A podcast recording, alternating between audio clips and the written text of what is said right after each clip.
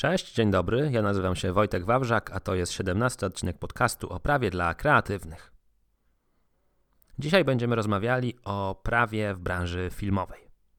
Porozmawiamy sobie o tym, w jakich miejscach trzeba mieć zgodę na filmowanie.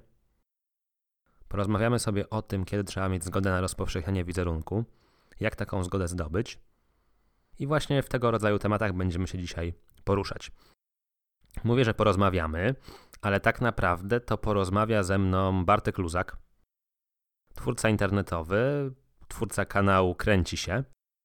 Nagrywaliśmy w studiu chłopaków jakiś czas temu wideo poświęcone prawu w filmie. I chłopaki zgodzili się, żebym sobie wykorzystał nagranie audio do stworzenia podcastu.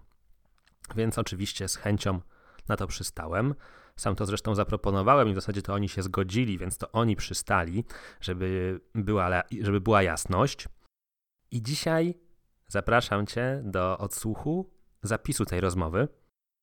Ale jeżeli masz ochotę zobaczyć wideo, a wideo jest naprawdę fajnie zrealizowane, bo chłopaki robią super robotę, to na stronie tego odcinka masz zaembedowane nagranie z YouTube'a.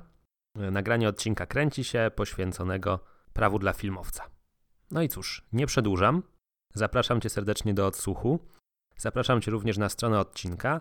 Adres, jak zwykle, znajdziesz w opisie odcinka i przechodzimy płynnie do zapisu naszej rozmowy z Bartkiem. Witamy w nowym roku yy, i witamy w szczególnych okolicznościach, bo właśnie rozpoczynamy nową serię Nakręci się. Jest to coś, co na pewno Wam się przyda, coś czego brakuje na polskim YouTubie, a mianowicie e, zagadnienia związane z prawem w film. I nie bez powodu moim gościem dzisiaj jest Wojtek Wawrzak, e, prawnik kreatywnych, autor bloga prakreacja.pl, który niejednokrotnie był już wyróżniany i nagradzany. E, dziś porozmawiamy sobie o zgodach na filmowanie. O zgodach w sensie lokalizacji, o zgodach na wykorzystanie wizerunku, a myślę, że to, jak rozwinie nam się ta seria, y, w jakiś sposób samo się skrystalizuje na podstawie Waszych komentarzy i naszych dalszych pomysłów. Muszę jeszcze dodać, że y, za kilka tygodni ta nasza rozmowa ukaże się również w formie podcastu na blogu Wojtka, więc jeżeli nie chcecie na nas patrzeć, możecie sobie po prostu tego posłuchać. Nie przedłużając, zacznijmy. Wyjdźmy od takiej życiowej historii. Y, myślę, że takie case'y życiowe to najlepiej później potrafią wyjaśnić ludziom, jak działają dane mechanizmy, jak działają dane sytuacje. E, moja znajoma w zeszłym tygodniu chciała nagrać ujęcia w lesie. To była taka półamatorska, półprofesjonalna produkcja teledysku. No i odbiła się od ściany, bo okazało się, że nawet na filmowanie w lesie trzeba mieć zgodę. I tu moje pierwsze pytanie do Ciebie. Gdzie te zgody są potrzebne, a gdzie są niepotrzebne? Ja bym proponował założyć, że potrzebne są wszędzie. I tak będzie bezpiecznie dlatego, że nie storpedują naszej produkcji. Bo tak naprawdę nie ma już w tej chwili za dużo miejsc, albo nie ma ich wcale, gdzie możemy sobie filmować bez zgody. Większość lokalizacji, które przychodzą nam do głowy, są w dyspozycji jakichś osób, podmiotów, organów i najczęściej te podmioty, osoby, organy ustalają jakieś warunki, na jakich my możemy z tych lokalizacji dla celów filmowania profesjonalnego korzystać. A gdzie szukać informacji? No bo y, mamy las i tak naprawdę nie mamy pojęcia, kto może zarządzać tym lasem. Gdzie szukać informacji na temat tego, kto może nam pozwolić na to, żeby tam filmować? O ile nie jest to, no wiadomo, las prywatny, ale zakładamy, że chodzi o taką przestrzeń publiczną. Prawdopodobnie wiem, jak się ten las nazywa, więc najprostszym e, ulubioną mechanizmem Polaków dzisiaj jest po prostu wpisanie w Google nazwy lasu i zgoda na filmowanie ale funkcjonuje w Polsce również taka organizacja jak e, Film Commission Poland, która mm, jak gdyby zajmuje się profesjonalnie w pośredniczeniu, w uzyskiwaniu pozwoleń na filmowanie, udzielaniu informacji o dostępnych lokalizacjach w Polsce. I na ich stronie internetowej jest cała baza takich lokalizacji.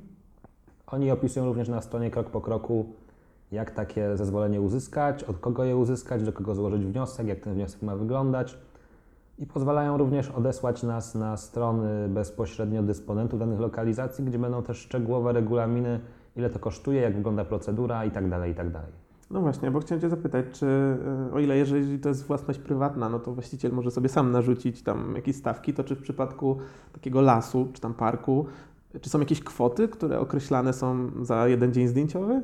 Ja nie kojarzę żadnych taryfikatorów. Najczęściej będzie to regulowane po prostu indywidualnie w zakresie no, każdego dysponenta. I tak naprawdę będzie to pewnie zależało od wielu czynników, to znaczy jakiego rodzaju będzie to produkcja, w jakim celu, jak duża, w, znaczeniu jak duża będzie ta ekipa, jakie duże będzie to utrudnienie w codziennym korzystaniu z tej lokalizacji. Więc ta opłata może wyglądać różnie i chyba trzeba każdorazowo starać się ją ustalić indywidualnie. Przy czym ja właśnie skłaniałbym się ku korzystaniu z tej opcji pośrednictwa mm, tej organizacji, która zresztą ma swoje regionalne oddziały, no, chociażby w Łodzi jest taki regionalny oddział. I oni na pewno mają większe doświadczenie i z łatwością pokierują na odpowiednie tory, instruując również, ile to może kosztować i jak długo można na to czekać. Mhm. A jeśli jednak zdecydujemy się na taką partyzantkę, no, nasze ryzyko, decydujemy się, że sami jedziemy do lasu z ekipą, filmujemy, czy coś oprócz tego, że pewne organy mogą nas stamtąd wyprosić, e, grożą nam jakieś sankcje? No, można sobie wyobrazić teoretycznie żądanie od nas zapłaty tej opłaty, która byłaby należna, aczkolwiek ja się jeszcze w praktyce nie spotkałem z powództwem o zapłatę nieopłaconej opłaty za filmowanie. No ale pewnie wynika to z tego, że każda profesjonalna i większa produkcja dba o tego typu detale. No bo taka partyzantka jest fajna, jak mamy trzy osoby i nie ponosimy większych kosztów organizacji takiego planu, ale jeżeli mamy więcej osób i większą ekipę, to koszty związane z wyproszeniem nas stamtąd mogą być wyższe niż opłata za zgodę. To na pewno. A e, co w sytuacjach, kiedy czasami urzędnicy po prostu no, nie chcą nam pójść na rękę? Czy e, jest jakiś czas określony na to, wydanie zgody. Też nie kojarzę takiego przepisu, żebyśmy mieli konkretnie określony czas. Tu działa taka praktyczna zasada życiowa, czyli jak na czymś zależy, to musimy kogoś przyciskać, szczególnie urzędników w Polsce, którzy jak działają, każdy wie. Prężnie. Prężnie. Szczególnie podczas przerw śniadaniowych e, w Urzędzie Pracy. Kto uzyskiwał dotację na działalność, ten wie, ten wie, o czym mówimy. Natomiast, tak jak mówiłem, myślę, że zawsze będzie po, po, pomoc tej organizacji kluczowa, bo oni na pewno znają i osoby, i ścieżki, żeby to przyspieszyć i usprawnić, no bo często również chodzi o czas. Mhm. A czy są jakieś takie uzasadnienia tych negatywnych decyzji, mm, które moglibyśmy negować i w jakiś sposób odwoływać się od nich? Wiesz co, obawiam się, że nie ale mam też poczucie, że raczej nikt nie będzie zainteresowany odmawianiem nam, jeżeli mamy za to płacić. Mhm. Te decyzje negatywne mogą pewnie dotyczyć e, szczególnych lokalizacji, które z jakichś względów e, są wyłączone w ogóle z możliwości filmowania, mają jakieś znaczenie dla obronności, bezpieczeństwa państwa, czy są po prostu związane z jakimiś sferami, które niekoniecznie chcą być pokazywane na ekranie. Natomiast e, nie sądzę, żebyśmy spotkali się z odmową, no bo to w niczyim interesie nie leży tak naprawdę. No chyba, żebyśmy mówili na przykład o szczególnej sytuacji zajęcia pasa drogowego, tak? No bo kiedy my chcemy wyłączyć jakąś część miasta na przykład, no to po pierwsze może być to obwarowane jakimiś konkretnymi godzinami, konkretną datą, ale wydaje mi się, że generalnie problemu z uzyskaniem takiego pozwolenia być nie powinno. Raczej problemem jest kwestia budżetu. Mhm. Czyli chcesz mi powiedzieć, że oprócz tych miejsc, gdzie pod żadnym pozorem nie możemy filmować, w każdym innym miejscu teoretycznie powinniśmy zapłacić jakąś taką minimalną opłatę? Obawiam się, że w większości przypadków, oczywiście produkcji komercyjnych i większych, będzie ten wymóg rzeczywiście związany z płatnością. No bo chociażby jak sobie popatrzysz na regulamin Parku Narodowego Tatrzańskiego, to na zrobienie zwykłej sesji ślubnej e, konieczne jest zniesienie opłaty. Więc tym bardziej na kręcenie czegoś bardziej wzniosłego. Mhm. No to już wiemy, że musimy mieć tą zgodę, natomiast y, panuje kilka takich terminów, które w pewien sposób są jakimiś pewnego rodzaju mitami, czyli na przykład przestrzeń publiczna, tłum, e, ludzie licytują się, ile to jest ludzi, gdzie jest przestrzeń. E, chciałbym, żebyś mi tutaj troszeczkę opowiedział coś na ten temat. E, co jest miejscem publicznym, tym, w którym faktycznie możemy filmować? Czy to w ogóle dotykamy trochę innego tematu niż przestrzeń i miejsce publiczne w znaczeniu lokalizacji, bo tak jak powiedzieliśmy, tak naprawdę nawet przestrzeń publiczna, czyli nawet ulica, która wydaje się no, dostępna dla wszystkich, punktu widzenia produkcji filmowej może być lokalizacją, gdzie będzie potrzebna zgoda, bo ta ulica jest w dyspozycji na przykład Urzędu Miasta, powiedzmy. Natomiast e, często te pojęcia przestrzeń publiczna, tłum pojawiają się w kontekście wizerunku. To znaczy, wydaje nam się, że jeżeli my idziemy na ulicę, spotykamy tam ludzi, którzy są na ulicy, czyli w przestrzeni publicznej, to my możemy sobie ich dowolnie fotografować, filmować, rozpowszechniać ich wizerunek, bo oni wychodząc w przestrzeń publiczną godzą się na to. Natomiast e, to tak nie jest. No, to tak nie jest dlatego, że my tutaj mówimy o wizerunku. A wizerunek w myśl prawa nie ma nic wspólnego z przestrzenią publiczną. Co do zasady, na rozpowszechnianie wizerunku trzeba mieć zgodę osoby, której wizerunek utrwalamy. I to jest taka podstawa i zasada, od której wychodzimy. Natomiast jest kilka wyjątków, kiedy takiej zgody nie musimy mieć. I w ramach jednego, w ramach tych wyjątków pojawia się na przykład szczegół większej całości. I właśnie ten szczegół większej całości jest jak gdyby mylony z przestrzenią publiczną. Bo nie zawsze będąc w przestrzeni publicznej będziemy mieli do czynienia ze szczegółem większej całości. Jeżeli mamy tłum przechodniów i filmujemy ich z jakiegoś oddalenia, z góry, oni są zbitką osób przypadkowych, żaden nie wysuwa się na pierwszy plan, to rzeczywiście mamy do czynienia ze szczegółem większej całości i rzeczywiście na rozpowszechnianie wizerunku ludzi, którzy stanowią ten tłum, zgody mieć nie musimy.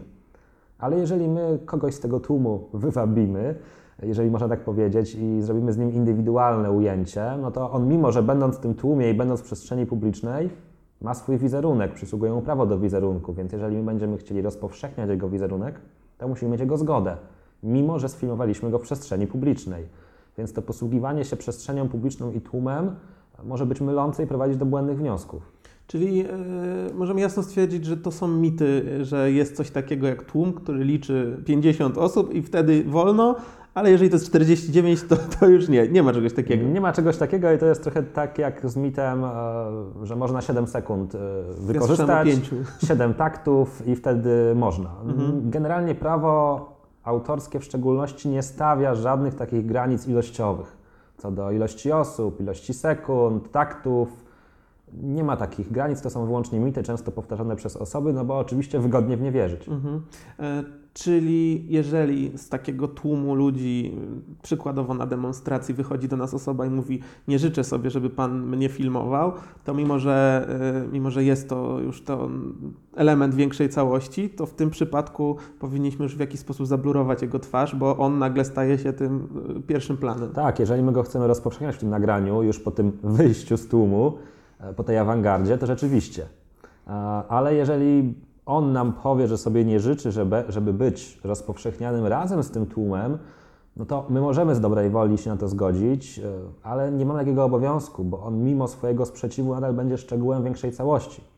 Mhm. Czyli y, teoretycznie wszelkiego rodzaju zbliżenia, które y, pojawiają się na naszym materiale, y, podchodzą już tutaj pod jakąś ochronę wizerunku osób, które się na nich pojawiają.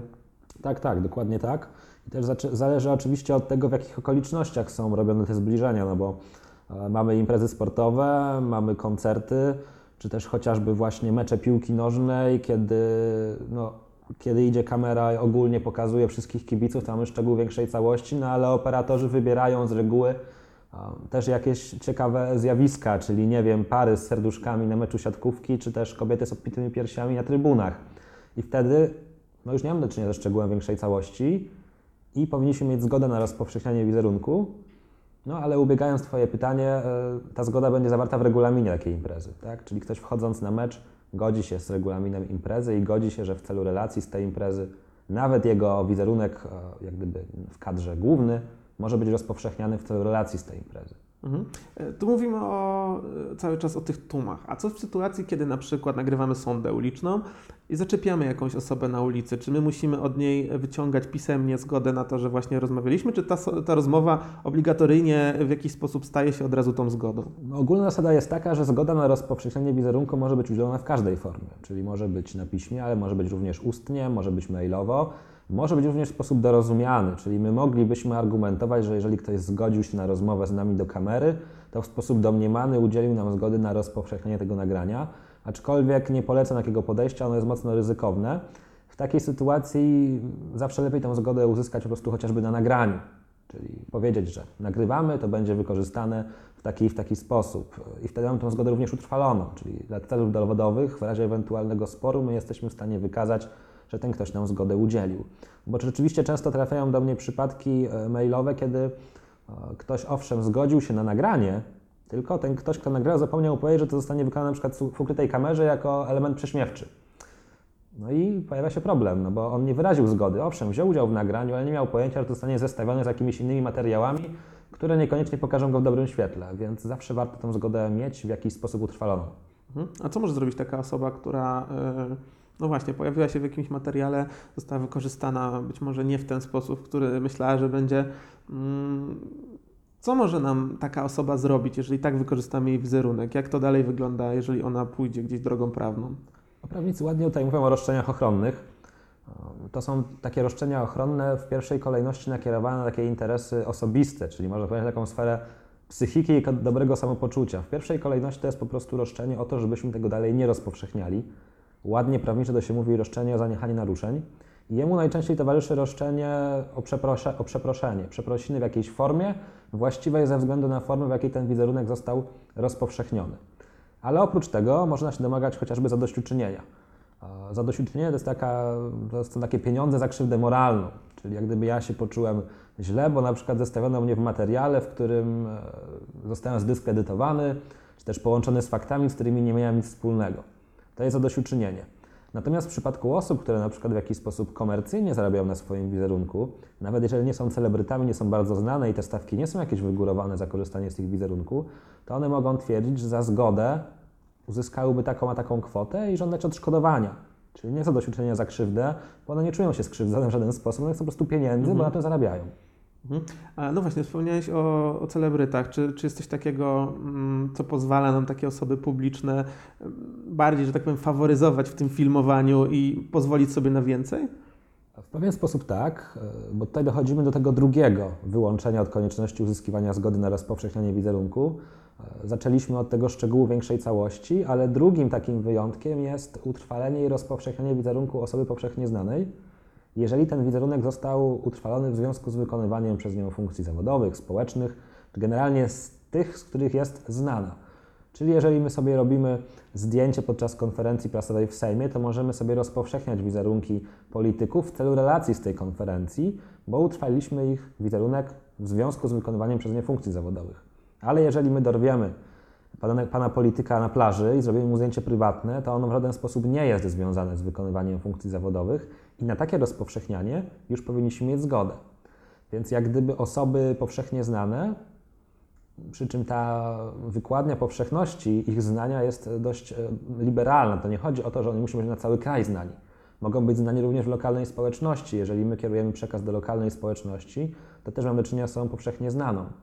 Więc jak gdyby te osoby powszechnie znane w pewien sposób e, świadomie godzą się na pozbawienie pewnego elementu prywatności, oczywiście w celach reporterskich i relacyjnych, jeżeli tylko te relacje nie naruszają ich innych dóbr osobistych, czyli dobrego imienia, nie obrażają ich, nie zestawiają takimi sytuacjami, które nie do końca są prawdziwe. W celach informacyjnych takie wizerunki osób powszechnie znanych możemy bez zgody wykorzystywać. Mhm. A jak oceniłbyś sytuacje, które no, w dzisiejszych czasach są dosyć powszechne, czyli filmowanie funkcjonariuszy na służbie, gdzie osoba filmująca zawsze wykrzykuje, że ona ma prawo i że ona może filmować, bo to jest funkcjonariusz na służbie. Jak, jak byś tutaj się do tego odniósł? To wiąże się z wykładnią tego pojęcia osoba powszechnie znana. Owszem, funkcjonariusz publiczny pełni funkcję publiczną niewątpliwie, ale czy jest osobą powszechnie znaną? Najczęściej nie będzie osobą powszechnie znaną, chyba że trafimy na jakiegoś naczelnika. Ale w przypadku szeregowego funkcjonariusza to nie jest osoba powszechnie znana, więc y, potencjalnie na rozpowszechnianie takiego wizerunku powinniśmy mieć zgodę. Ale zawsze jeszcze jest taki argument y, na późniejszym etapie, związany z tym, w jakiej sytuacji my tego funkcjonariusza filmujemy. Bo jeżeli on zachowuje się w jakiś sposób nieprawidłowy podczas służby, zaniedbuje swoje obowiązki, zachowuje się skandalicznie, źle traktuje osoby, z którymi ma do czynienia, to zawsze możemy powiedzieć, że my rozpowszechniamy ten wizerunek w imię interesu wyższego, w imię obrony porządku publicznego. Jest to taka przesłanka, która jak gdyby uchyla bezprawność tego naszego działania. Mimo, że nie mamy zgody, to jednak działamy, kolokwialnie mówiąc, w obronie wyższego interesu. Mhm. Czyli to, jeżeli taki przysłowiowy Sebastian filmuje policjanta, który prawidłowo wykonuje swoje czynności, to jak najbardziej narusza jego wizerunek, myśląc, że, że nie wiem, że działa dla jakiegoś tam swojego. Musimy przede wszystkim jeszcze e, odróżnić samo nagrywanie i filmowanie od rozpowszechniania. Ja mogę sobie nagrywać kogokolwiek chcę, jeżeli nie ingeruję w jego prywatność, jeżeli go nie stalkuję, jeżeli nie robię tego wbrew jego wyraźnej woli. ale jeżeli będę rozpowszechniał, no to powinien mieć jego zgodę. Jeżeli to jest funkcjonariusz, któremu nie mamy nic do zarzucenia i sobie go filmujemy, uważając, że jest osobą publiczną i możemy rozpowszechniać, to niestety jesteśmy w błędzie. Mhm. A na ile jeszcze tutaj rozdziela się kwestia wizerunku względem samego wyglądu, a naszego głosu? Bo to też jest tak, że czasami e, zamazujemy komuś oczy, ale wciąż mamy ten jego głos. Czy to też jest element tego wizerunku, który, na który powinniśmy mieć zgodę? Prawnicy dzielą wizerunek w ogóle na taki wizerunek e, fizyczny, czyli nasz wygląd, jak również na tak zwany wizerunek głosowy, czy też audialny, jak niektórzy pięknie mówią. I rzeczywiście z tym wizerunkiem głosowym niekiedy mamy do czynienia, przy czym trzeba tutaj się odwołać do takiej ogólnej definicji wizerunku, czyli jego rozpoznawalności. Z wizerunkiem mamy do czynienia wtedy, kiedy ten ktoś jest rozpoznawalny. No nie oszukujmy się, że nie wszystkie głosy są e, rozpoznawalne, nie każdy ma głos pani Czubówny, w związku z tym e, nie zawsze będziemy mieli do czynienia z wizerunkiem głosowym. Ale to od razu mi też przypomina o takiej kwestii, że nie zawsze te zabiegi anonimizacyjne, czyli wyblurowanie twarzy, czy też e, te czarne opaski na oczach, są wystarczające, bo przecież my możemy kogoś poznać po specyficznym sposobie zachowania, sylwetce, czy też nawet okolicznościach towarzyszących jakiemuś materiałowi, czyli na przykład notce informacyjnej do nagrania.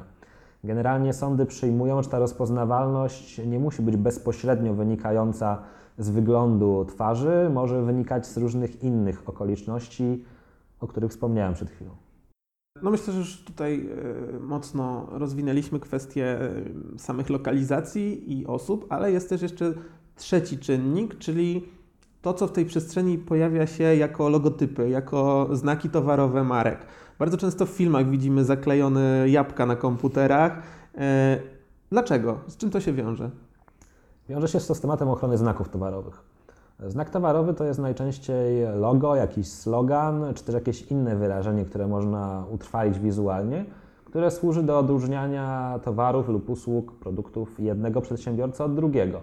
No biorąc, na, biorąc na przykład Marlboro, markę papierosów, to jest znak towarowy służący do odróżniania jednych papierosów od drugich. I taką podstawową funkcją znaku towarowego jest to, żeby on rzeczywiście odróżniał towary. Czyli jeżeli ja pokazuję komuś papierosy z marką Marlboro, to ktoś sobie myśli, no to muszą być dobre papierosy, bo to jest znana marka. I temu służy znak towarowy. I generalnie znaki towarowe przed tym są chronione. Więc dopóki my nie wykorzystujemy tego znaku towarowego, żeby, nie wiem, promować nasze usługi, korzystać z czyjejś renomy, czy też może nawet dyskredytować kogoś, pokazywać, że nasze jest lepsze, to my nie wkraczamy w tą ochronę znaku towarowego. Czyli możemy te wszystkie loga, symbole wykorzystywać do uwiarygodnienia naszych scen, do naszych ujęć. I to nie będzie bezprawne, aczkolwiek rzeczywiście wiele podmiotów, jak gdyby z ostrożności, te znaki zamazuje, bluruje no bo też niektóre firmy mają takie bardziej restrykcyjne podejście do ochrony swojej marki i dużo bardziej intensywnie je ochronią, nawet jeżeli my nie wkraczamy w tą funkcję znaku towarowego podstawową.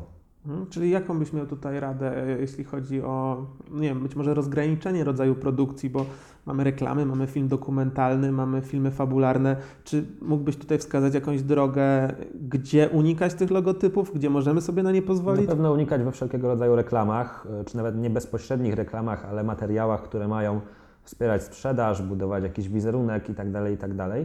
W szczególności, gdy jesteśmy marką o, o, mniejszej reputacji, bo zawsze wtedy może, może nam być postawiony zarzut, że żarujemy na czyjejś rozpoznawalności. Natomiast jeżeli chodzi o dokumenty, jeżeli chodzi o po prostu wykorzystanie jakiegoś tła, które przez przypadek wpadło w kadr, bądź też uwiarygodnienie naszej postaci, no bo nie oszukujmy się, że dzisiaj no to, z czego korzystamy, w pewien sposób również e, często wykorzystywane jest do opisania naszej postaci. Więc wtedy to będzie dopuszczalne. I taką granicę bym postawił. Mhm. Zaczęliśmy tutaj od y, case'u tego lasu, więc teraz znowu chciałbym przywołać taką sytuację z życia. Pracujemy obecnie nad filmem dokumentalnym. Jest to film w 100% non-profit. E, dostajemy zgodę od kina na filmowanie w kinie. Natomiast, no jak wiemy, w kinie mamy całą po prostu galerię sponsorów, znaków towarowych, y, nas łakoci. Co w takiej sytuacji? Czy my powinniśmy zadbać o to, żeby je wyblurować w każdym miejscu? Czy tak naprawdę zadbać to powinien podmiot rozpowszechniający, czyli e, kino, które będzie to sobie rozpowszechniać.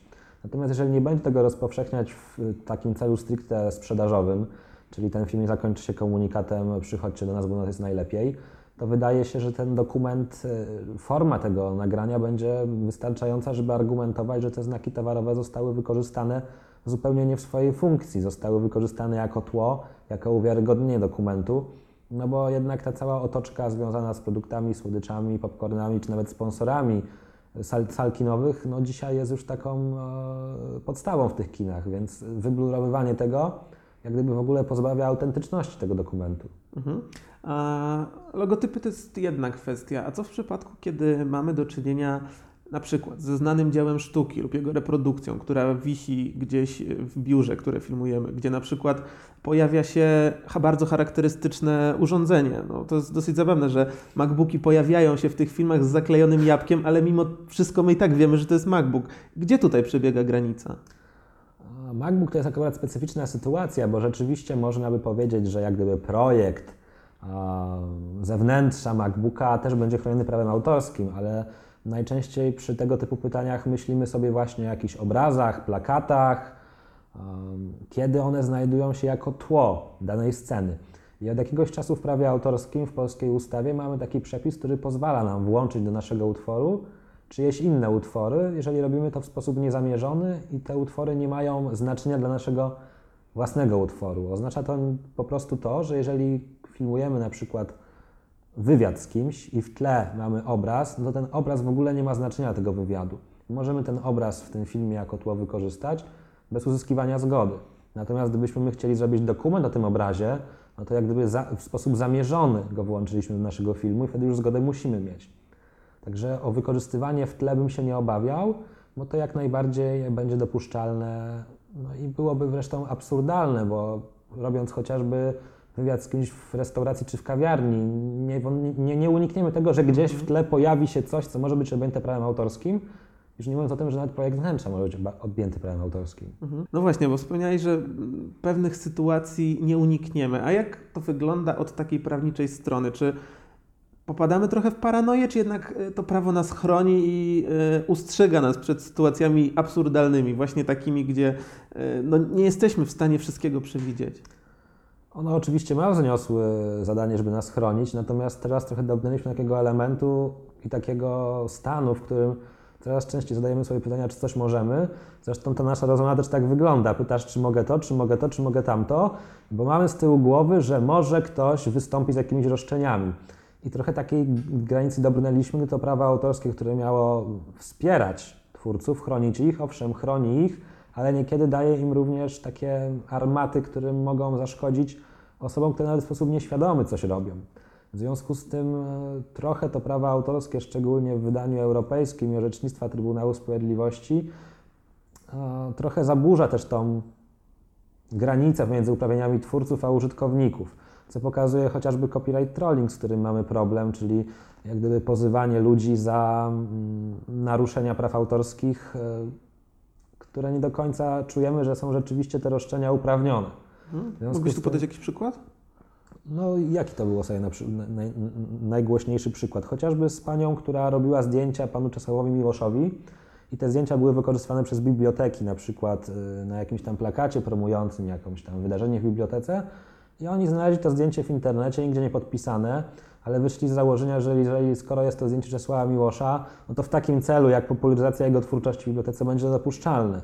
A okazało się, że pani fotograf specjalnie opublikowała te zdjęcia w sieci, bez oznaczenia siebie jako autora, i potem tylko wyszukiwała, gdzie zostały wykorzystywane i pozywała podmioty wykorzystujące. No i to jest takie zjawisko trochę nadużywania tych praw autorskich, no bo coraz częściej pojawiają się modele biznesowe bazujące na tym, że Ktoś puszcza coś do sieci, nawet na wolnej licencji, potem tą wolną licencję usuwa i zaczyna wyszukiwać przez monitoring sieci, co kto gdzieś wykorzystał mhm. i wysuwa żądania pieniężne. Mhm. No niestety ta świadomość prawa autorskiego jest fajna, jest dobra, ale sprzyja też również tym osobom, które po prostu chcą sobie zarobić. Mhm.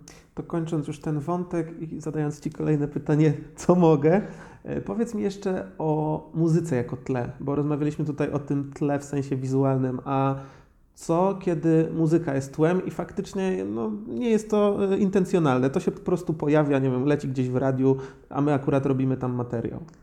Teoretycznie można byłoby to podciągnąć pod ten przepis, y, który przywołałem przy wykorzystaniu obrazów i tak dalej. Natomiast y, łatwo się domyślić, że będzie problem chociażby z ZAX-em, to raz, a dwa pewnie będzie problem y, z serwisami społecznościowymi i ich systemem do wyłapywania tego, tych nagrań w tle. System Content ID YouTube'a to już jest pewnie wszystkim, którzy oglądają znany i jego niedoskonałości również, ale zdarzają się również sytuacje, gdy nagrywane live'y na Facebooku zostają e, usunięte po czasie z, z tego powodu, że gdzieś tam zagrało coś przez przypadek, co było totalnie tłem i było niewykorzystane celowo, ale jednak e, przez algorytm zostało wyłapane jako wykorzystane bez zgody, bez licencji. Chciałbym wrócić teraz jeszcze do tej kwestii wizerunku i tego, jak możemy się zabezpieczyć przed y, sytuacjami, w których y, no, ktoś nagle zwraca się do nas i mówi: Halo, nie zgodziłem się na to. Jak powinna wyglądać taka zgoda, taka zgoda, którą ktoś podpisuje? W pierwszej kolejności powinniśmy właściwie zidentyfikować strony. A strony są tak naprawdę dwie, czyli osoba udzielająca zgodę.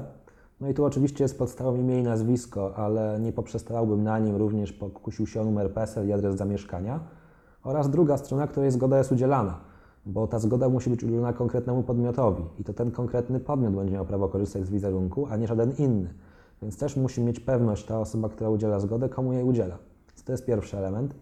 Drugim elementem to będzie precyzyjny sposób wykorzystania tego wizerunku, czyli w jaki sposób on zostanie wykorzystany, w jakim medium, często również w kontekście z jakimi materiałami, mm, bo często ten kontekst wykorzystania wizerunku jest istotny dla osoby udzielającej zgodę.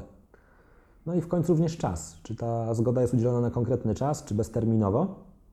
No i po czwarte, w działaniach takich już e, mocno komercyjnych, kiedy my ponosimy koszty na produkcję jakiegoś materiału, warto się zabezpieczyć na wypadek wycofania zgody, bo trzeba pamiętać, że w naszym systemie prawnym zgodę na rozpowszechnianie wizerunku można w każdej chwili odwołać. Jeżeli zostaniemy postawieni w sytuacji, gdy nam odwołuje tę zgodę, no to ponosimy koszty. Dlatego w takich umowach o wykorzystanie wizerunku najczęściej wykorzystuje się instytucję kary umownej, czyli pewnej kary za to, że ktoś nie dotrzymał zobowiązania, że wycofał zgodę. I myślę, że jak najbardziej warto z tej kary umownej korzystać na wypadek, gdyby właśnie ktoś tą zgodę próbował cofnąć. A rozdzieliłbyś tutaj jakoś e, złożoność takiej zgody względem różnych rodzajów produkcji, zaczynając od nie wiem, filmu komercyjnego, kończąc na vlogu?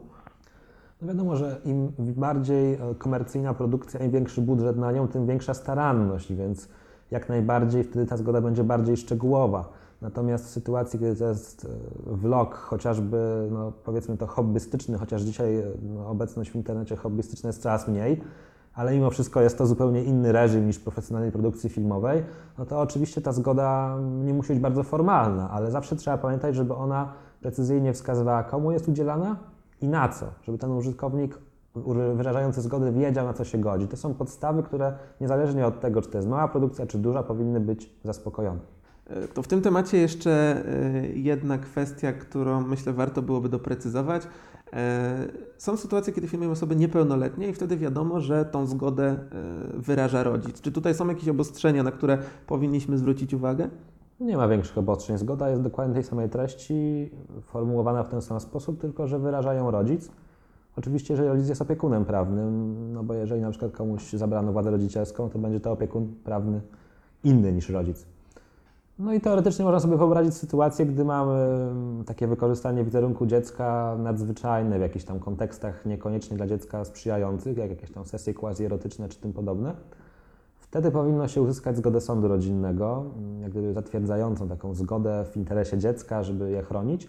Natomiast ja się jeszcze nie spotkałem w praktyce, żeby ktoś miał pomysł legalnego zrealizowania produkcji, gdzie trzeba będzie prosić o zgodę sąd rodzinny. Mhm.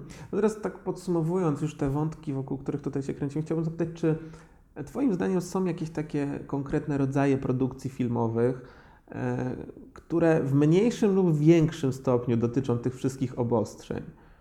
Czy prawo w ogóle nie, jak gdyby nie, nie wskazuje na konkretne typy, czyli nie mówi nam, że nie wiem, film dokumentalny to to, to i to, a reklama to to, to i to. To trochę jednak wynika z praktyki mm, i wiadomo, że im bardziej komercyjny cel, tym większa ostrożność, bo tam, gdzie większy budżet, tam z założenia również większe ostrożności. Natomiast e, nie jest tak, e, co często ludziom też się błędnie wydaje, że jeżeli to jest niekomercyjnego, to wolno wszystko. Wszystkie te zasady, o których mówiliśmy, znajdują również zastosowanie do e, działalności niekomercyjnej. No, ja bym tylko jeszcze wrócił chwilowo do wizerunku, bo wspomniałem w tym bloku o wizerunku o dwóch wyłączeniach od konieczności uzyskiwania zgody, czyli ten szczegół większej całości osoba powszechnie znana. Warto pamiętać, że to nie wynika wprost z przepisu, ale w praktyce wygląda tak, że te wyłączenia działają w działalności niekomercyjnej, rozumianej jako reporterska, relacyjna, jako informowanie społeczeństwa o czymś. Natomiast nie można w celach komercyjnych powoływać się na wykorzystanie wizerunku, na przykład polityka utrwalonego na konferencji prasowej, jako zdjęcie na okładce książki, bo to będzie już cel komercyjny, a nie cel niekomercyjny reporterski i taka zgoda będzie potrzebna. Więc w tym kontekście jest różnica między komercyjną a niekomercyjną produkcją. Natomiast w większości przypadków prawo jest dokładnie takie samo, a ta zwiększona staranność wynika po prostu z praktyki i z tego, że jak jest budżet, to jest również budżet na prawników. Mhm. E, tak jak mówiłem we wstępie, e, myślę, że będziemy tutaj sobie kolejnymi blokami przepracowywać te różne aspekty prawne i w kolejnych odcinkach pytać Wojtka o inne zagadnienia związane z prawem filmowym. Natomiast tutaj rozmawiając zakulisowo, Wojtek polecił mi książkę, którą myślę, że też e, warto Wam polecić jako źródło wiedzy jeszcze zanim przejdziemy do kolejnych bloków. Tak, jest w Polsce taka jedna książka e, Prawo dla filmowca autorstwa Igi Bałos. E, to jest prawniczka, która zajmuje się właśnie obsługą prawną produkcji filmowej. I to, co wyróżnia tę książkę, to jest to, że ona jest napisana mm, w sposób przystępny, czyli nie jest to podręcznik prawa, gdzie usypiamy. Jest to książka dedykowana przedstawicielom branży filmowej i opowiadająca wszystko na konkretnych przykładach, z odwołaniem się do konkretnych wątków, e, można nawet powiedzieć, że z pewnymi żarcikami branżowymi, więc jest przystępna dla każdego i myślę, że każdy, kto się interesuje branżą filmową, znajdzie w niej interesujące kwestie prawne. Myślę, że możecie tutaj e, zaufać rekomendacji Wojtka. Z jego usług korzystamy nie od dziś i faktycznie jest to jeden z niewielu prawników, który mówi do mnie ludzkim głosem. E, bardzo Ci dziękuję Wojtku za przyjęcie zaproszenia i widzimy się w kolejnych odcinkach Kręci się. Do zobaczenia. No i jak Ci się podobała rozmowa z Bartkiem? Mam nadzieję, że wyniosłeś z niej wiele. Mam nadzieję, że dostarczyliśmy Ci razem z Bartkiem wielu wartościowych informacji. Przypominam, że na stronie tego odcinka na moim blogu znajdziesz zaembedowane wideo. To wideo jest niczym innym jak nagraniem odcinka vloga Kręci się, tworzonego przez Bartka. Zachęcam Cię serdecznie do odtworzenia, bo naprawdę chłopaki robią super robotę, bardzo mi się jakościowo to podoba. Przypominam, że jak zwykle jestem też do Twojej dyspozycji pod adresem kontakt Jak zwykle również zachęcam Cię do pozostawienia Twojej opinii na temat podcastu w iTunes. Będę wdzięczny za ocenę w postaci gwiazdek oraz za pozostawienie komentarza. To zawsze cenna informacja zwrotna. No i cóż, do usłyszenia w kolejnym odcinku. Trzymaj się ciepło. Cześć.